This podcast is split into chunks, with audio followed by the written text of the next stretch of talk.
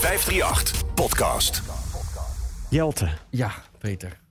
Ja, dit vind ik, eh, wat wij nu gaan doen, dat vind ik dan ook weer eh, ja, heerlijk eigenlijk. Het is buiten categorie en het is, het is eh, eh, zoiets bijzonders. En het is, maar het is wel nog iets verder weg dan de, dan de, dan de reguliere Ja, spelen. ja, want we gaan, het, eh, we gaan praten met een Paralympische sporter.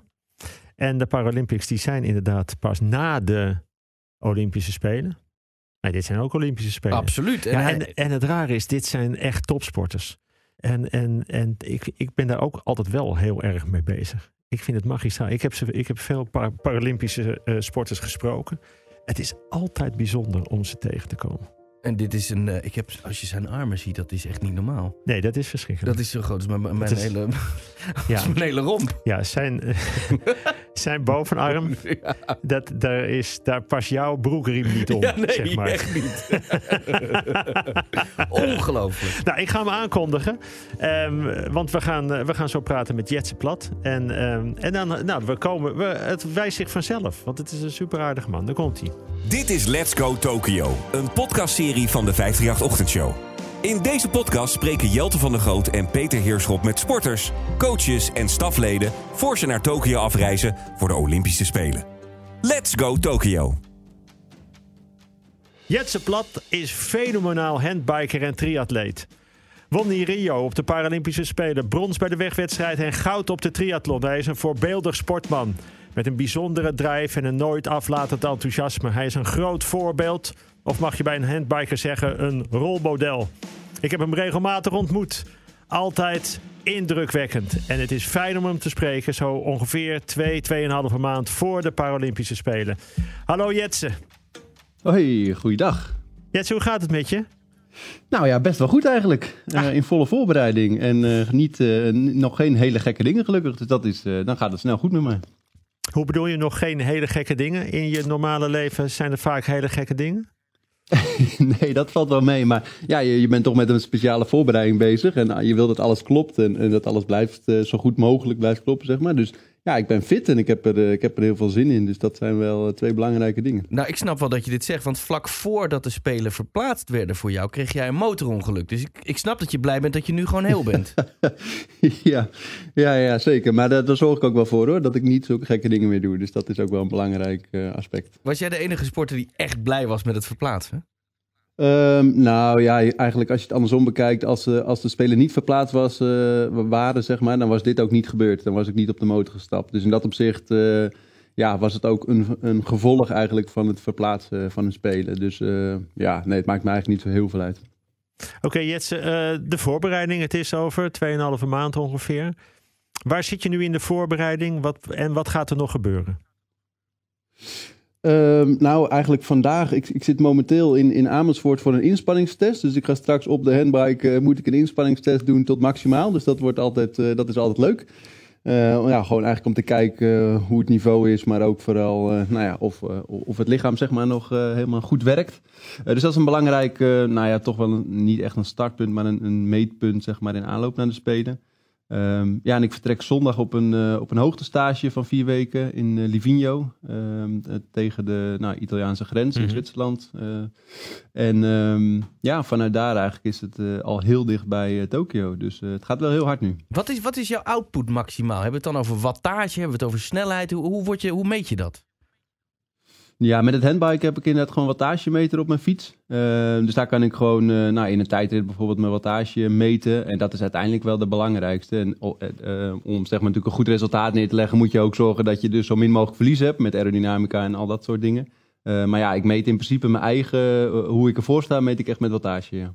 En wat, wat zie jij dan op die teller staan? ja, ik, mijn, mijn FTP, dus dat is een beetje mijn omslagpunt. Wat ik eh, in, in theorie zeg maar een uur moet vol eh, kunnen houden, ligt een beetje eh, ja, rond de 265, 270 eh, Oh. watt. Man. Oké. Nou ja, dan hebben wij nog een, eh, een weg te gaan, Jelte. Er zijn auto's die minder kunnen.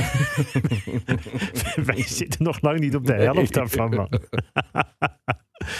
en, en, maar hoe gaat dan zo voor? Nu, nu heb je een, een test en dan... ehm, hoe, gaat de opbouw naar de Spelen eh, toe? Wordt het dat steeds intensiever? Of waar zitten de rustperiodes? Of eh, waar wordt er nog extra aandacht aan besteed? Neem ons mee. Nou, we hebben eigenlijk gelukkig wel een heel mooi seizoen al wel gehad. Dus een heel aantal wedstrijden, eh, ook internationaal. En ik ben net twee weken geleden de wereldkampioenschappen gehad in Portugal. Ehm, dat was eigenlijk het laatste grote evenement zeg maar, voor de Spelen. Eh, dus ik heb de week na het WK heb ik ook even een week eh, echt rustig aan gedaan. En heb ik echt maar een paar uurtjes getraind in die week. puur eigenlijk om gewoon weer even mentaal fris te worden en weer even zin te hebben in het laatste blok. Ehm, en eigenlijk ben ik nu sinds uh, afgelopen dinsdag ben ik weer uh, begonnen zeg maar, nou ja, met, de, met de echte opbouw richting Tokio uh, zelf. Um, ja, en dat, dat is eerst nog een week thuis. En, en dan op zondag naar Livigno, waar ik dan vier weken mm -hmm. verblijf in de bergen. En nou ja, dus met wat minder zuurstof, waardoor je... Nou, dat, dat werkt gewoon heel prettig bij mij. Dat doe ik al een aantal jaar. en dat is nu ook gewoon een belangrijk onderdeel van de voorbereiding. Ja. Um, dan kom ik terug naar Nederland en zal ik nog uh, twee weken in Limburg uh, verblijven. Uh, met ook gebruik van een klimaatkamer. omdat, nou, zoals de meesten wel weten, in, in Tokio gaat ook gewoon een hele grote uitdaging de, de warmte zijn. Dus daar zo goed mogelijk op voorbereiden. Um, en dan vlieg, vlieg ik eigenlijk vanuit, vanaf Schiphol, vanaf Amsterdam, zeven dagen voor mijn eerste wedstrijddag naar de naar Tokio toe. Omdat dat in principe nu de richtlijnen zijn dat je nou ja, maximaal zeven mm -hmm. dagen van tevoren mag arriveren in uh, Japan. Ja. Dus uh, ja. Zo ziet het eruit. Ja, heel eventjes naar helemaal het begin. Toen jij nog een, uh, een kleine jetsen was. Waar kwam jouw Olympische droom? Waar, waar, waar dacht je van, weet je wat, ik word, ik word topsporter en dan ga ik later goud winnen op de Spelen? Ja, nou, het begon eigenlijk dat ik, uh, ik ben geboren met, een, uh, met twee onvergroeide benen. Wat het eigenlijk niet mogelijk maakt om op, op een normale fiets te fietsen. maar goed, gelukkig hebben mijn ouders eigenlijk altijd direct wel, ja, gingen op zoek naar mogelijkheden. En wilden mij niet in een, in een taxibusje naar school zetten. Maar gingen gewoon kijken van nou, hoe kan hij wel, zeg maar, zelfstandig voortbewegen. En, en zo op die manier zijn ze eigenlijk bij een handbike terechtgekomen. nou ja, wat toen, toen, nu is het nog niet super bekend, maar toen nog helemaal niet. Um, dus dat is eigenlijk echt wel de basis. Dat ik al op mijn vijfde jaar op een, een heel klein handbike eigenlijk uh, naar school mocht fietsen. Ook nog met een, met, zelf met een duwsteun erop. Omdat ja, ik was gewoon niet sterk genoeg nog om helemaal zelf over de hele grote brug. Wat uiteindelijk maar een heel klein bruggetje in het dorp is. Maar dat was toen natuurlijk een, een behoorlijke kol zeg maar, om overheen te rijden. En ja, die hielp mijn moeder hem eigenlijk gewoon met een, met een setje dat ik nou ja, op dat soort punten een beetje ondersteuning kreeg. Maar ja, wel gewoon zelfstandig kon zijn. En dat is eigenlijk een beetje ja, de start van het handbiken en, en, en toch wel mhm. van het trainen. Want, ja, ja, maar dat moest je, moest, je dat, een... moest je dat allemaal zelf doen? Of, of kon, je, kon je in die tijd ook al lid worden van een vereniging? Nee, ja, het had toen eigenlijk ook nog niet direct zeg maar, echt met sport uh, als, als in een vereniging te maken. Het was toen echt gewoon een vervoersvoorziening. Uh, maar ja, om, omdat je natuurlijk een mensenlichaam is niet echt gewend om te moeten fietsen met je armen, was het natuurlijk al wel een soort van sport. Want ik bedoel, ja, ja. er moest wel wat ontwikkeld worden zeg maar, om natuurlijk gewoon uh, te kunnen, kunnen rijden. maar toen de tijd waren er zeker nog geen handbikeverenigingen. En, en gelukkig zijn die er echt wel een stuk meer nu. Uh, maar ja, het blijft altijd. Uh, uh, ja, het is niet dat er in ieder dorp zeg maar, een vereniging zit. Dus dat, dat blijft natuurlijk altijd ook ja, voor nu de, de nieuwe talenten, of in ieder geval de mm -hmm. mensen die, die plezier hebben in het handbiken, blijft dat natuurlijk altijd een, een dingetje waar we, waar we volop mee bezig ja. zijn, natuurlijk om dat beter te krijgen. Um, had je wel ja, voorbeelden? Had je, had je grote, grote voorbeelden dat je denkt, oh, dat zou ik ook laten willen. Ik, ik wil daarop lijken. Nou, in eerste instantie was dat eigenlijk mijn eigen broer, uh, die gewoon valide is en alles wat hij deed, uh, wilde ik natuurlijk ook kunnen. Uh, en dat is natuurlijk altijd uitdagend, omdat je het net even wat anders moet doen. nou ja, uiteindelijk ben ik wel ook in de wedstrijdsport beland, in het handbike wedstrijdsport. En ben ik op mijn, ik was toen ja, in 2008, ben ik naar Beijing gegaan vanuit een talententeam. Eigenlijk vanuit een revalidatiecentrum mocht ik mee als soort talent om daar te gaan kijken van hoe het, hoe het daar in zijn werk gaat. En daar heb ik die mannen zien strijden voor de gouden medaille in, uh, ja, in, in Beijing. Uh, en, en dat was voor mij echt het moment van, nou, ik reed toen al wel nationale wedstrijden en ook enkele internationale wedstrijden. Maar dat was voor mij wel echt het moment van, oké, okay, ik wilde wel echt alles aan gaan doen om ook de beste van de wereld te worden. Mm. En een van die grote mannen te worden, zeg maar, die zo hard gaan. Uh, hey, wie, is dus de, ja, 2008, wie is de grootste handbiker aller tijden? Uh, nou ja, toen de tijd was dat vooral uh, Ernst van Dijk, een Zuid-Afrikaan. Enorm, uh, ja, als je, als je die op Google intikt, dan is dat ook een enorme grote vent, zeg ja, maar. die past niet op het scherm, zeg maar, met zijn bovenlichaam. Nee, nee, nee. nee. nee. Heel veel kracht en vermogen. En, en dat was toen in 2008 echt het absolute voorbeeld voor mij. Ja. Maar jij bent nu het voorbeeld voor heel veel anderen. Weet je dat? Um, nou ja, ja het, het, dat vind ik mooi. Uh, dat vind ik echt wel gaaf. En natuurlijk, ik kom ook veel in revalidatiecentra's. En, en ook om natuurlijk, nou ja, ofwel iemand die een ongeluk gehad heeft, of, of jonge kinderen die nou ja, aan het zoeken zijn wat, wat, ze kunnen doen, zeg maar. En dat vind ik super gaaf om mijn ervaring daar in ieder geval in te delen. En ja, niet meteen met de ambitie dat, dat ik van iedereen een topsporter wil maken. Maar vooral dat ze ja, ook gewoon meekrijgen van hoe mooi product een handbike is. En hoeveel vrijheid je daarvan kunt krijgen. Ben je er veel mee bezig met, dat je, dat je, met wat jij doet? Als ik jou zie, ik raak ook zo geïnspireerd. Is dat iets waar je, waar je toch dagelijks wel mee bezig bent ook? Dat je een voorbeeld bent voor zoveel mensen? Nou, ik probeer altijd wel. Ik ben natuurlijk ook wel echt veel in het buitenland en rondom wedstrijden. Maar ik, ik probeer inderdaad wel dat als ik het zeg maar op mijn radar krijg... of als ik aanvraag, een mailtje of, of wat voor bericht dan ook krijg...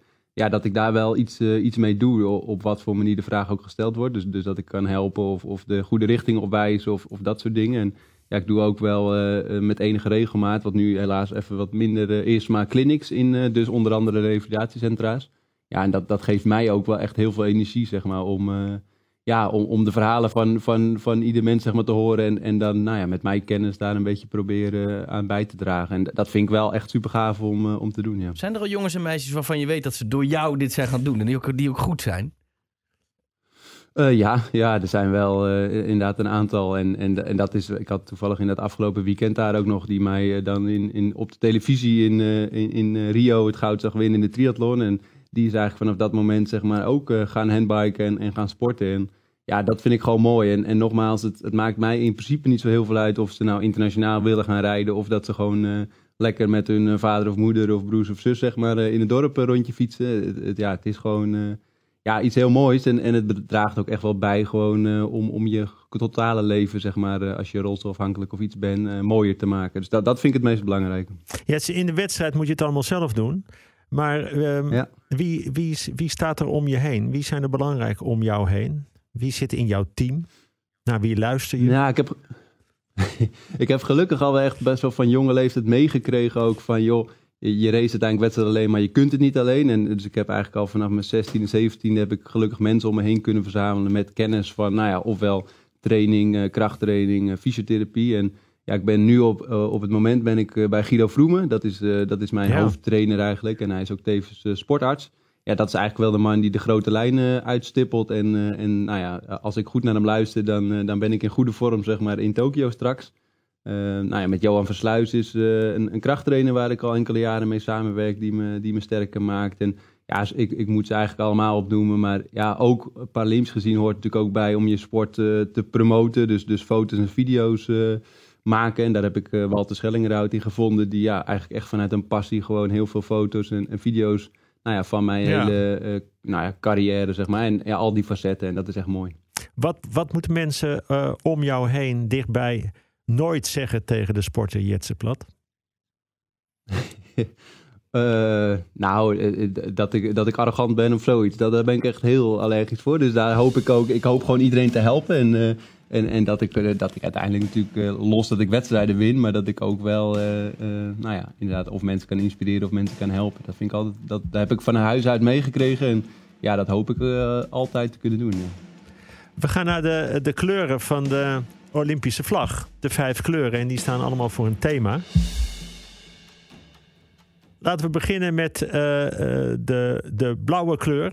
Het materiaal. Heb jij speciaal materiaal? Wordt dat iedere keer weer helemaal uh, opnieuw bedacht? Zijn er nieuwe trucs voor de komende Spelen? Vertel. Uh, ja, zeker, ont zeker ontwikkeld. Uh, elk jaar ontwikkelen. En ik heb gelukkig in Denemarken een mooi bedrijf zitten die zeg maar, de handbikes uh, en, en ook voor de triathlon het materiaal maakt. Um, ja, het is wel heel veel pionierswerk. het is niet zo, natuurlijk net als bij het racefietsen, dat er een miljoen racefietsframes bewijs van verkocht worden. dus is de ontwikkeling natuurlijk ook een stuk duurder. Um, en is het dus ook gewoon heel belangrijk om als sporter zeg maar, zelf echt die feedback te geven. Um, ja, en natuurlijk ook met het budget wat we hebben. We zijn niet uh, ongelimiteerd Formule 1 team, zeg maar, die, eh, die alles kan doen. Um, dus, dus zeg maar in, in die hoedanigheid probeer je gewoon een zo goed mogelijk en een steeds beter product uh, te maken.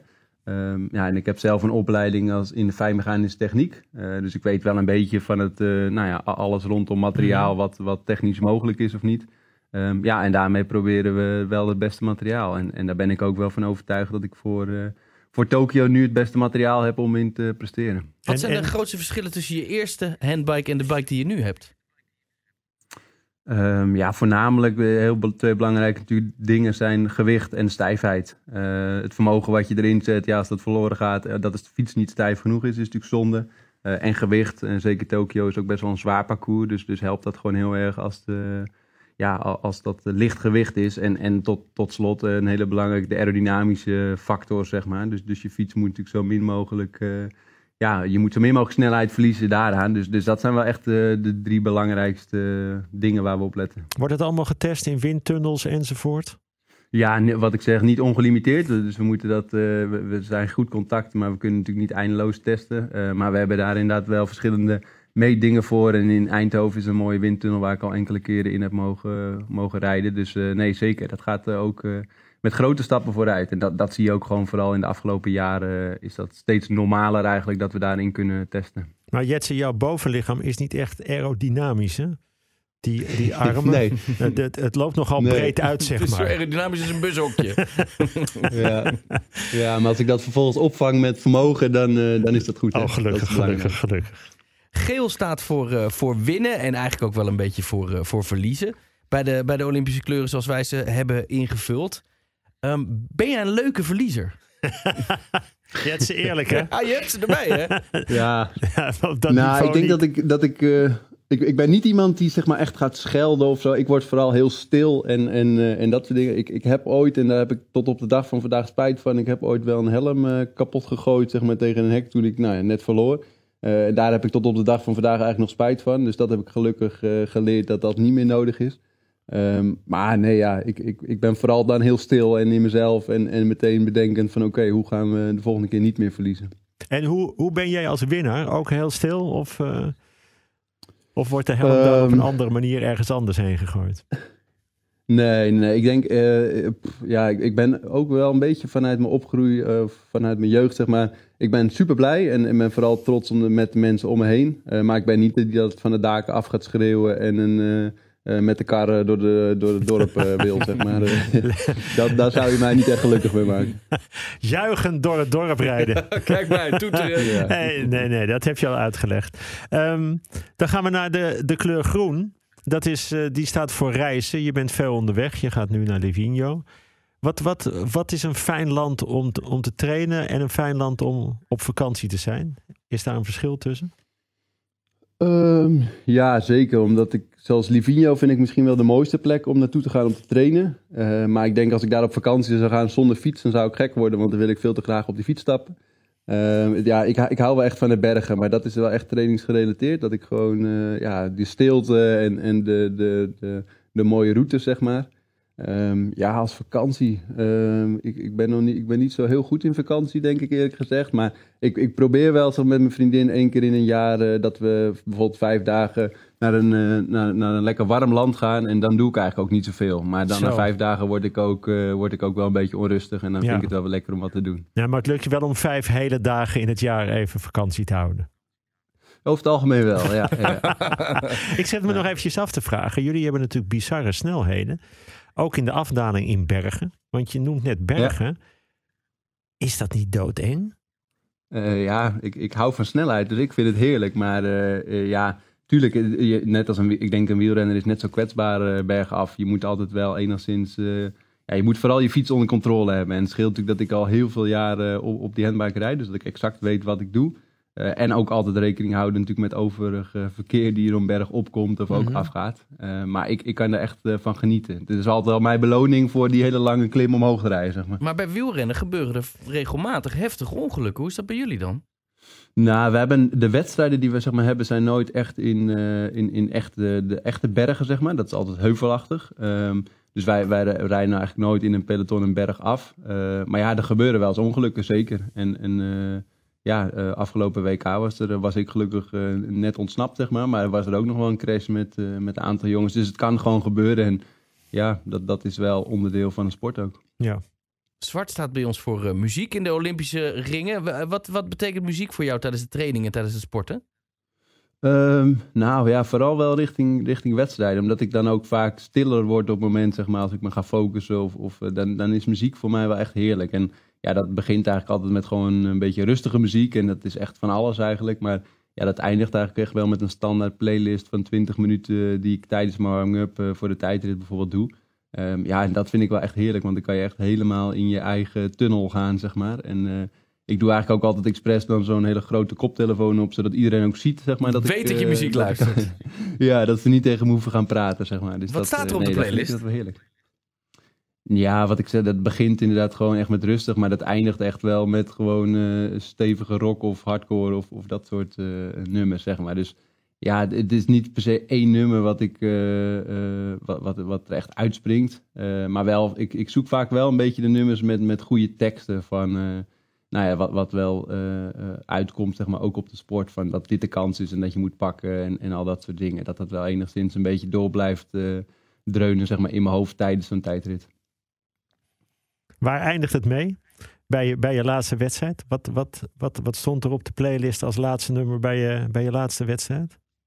Ja, dan moet ik, ik weet eigenlijk niet eens het, het nummer daarvan. Dus dat, dat ben ik wel. Maar, maar het eindigt wel met, met eh, de hardste hardcore eigenlijk, zeg maar. Dus dat is eigenlijk, al- als ik dat nu zou luisteren, zou ik er helemaal gek van worden. Ja. Ehm, maar maar dat, ja, dat heb ik altijd wel echt nodig om, eh, nou ja, echt op scherp. En, en ook, zeg maar, de soort van medelijden bij jezelf even uit te schakelen. Maar het is Eh, echt een dat beetje agressie dan ook. Ja. Ja, wel een beetje, ja. ja, Ja. ja. Eh, we komen bij de laatste kleur, dat is, eh, dat is rood.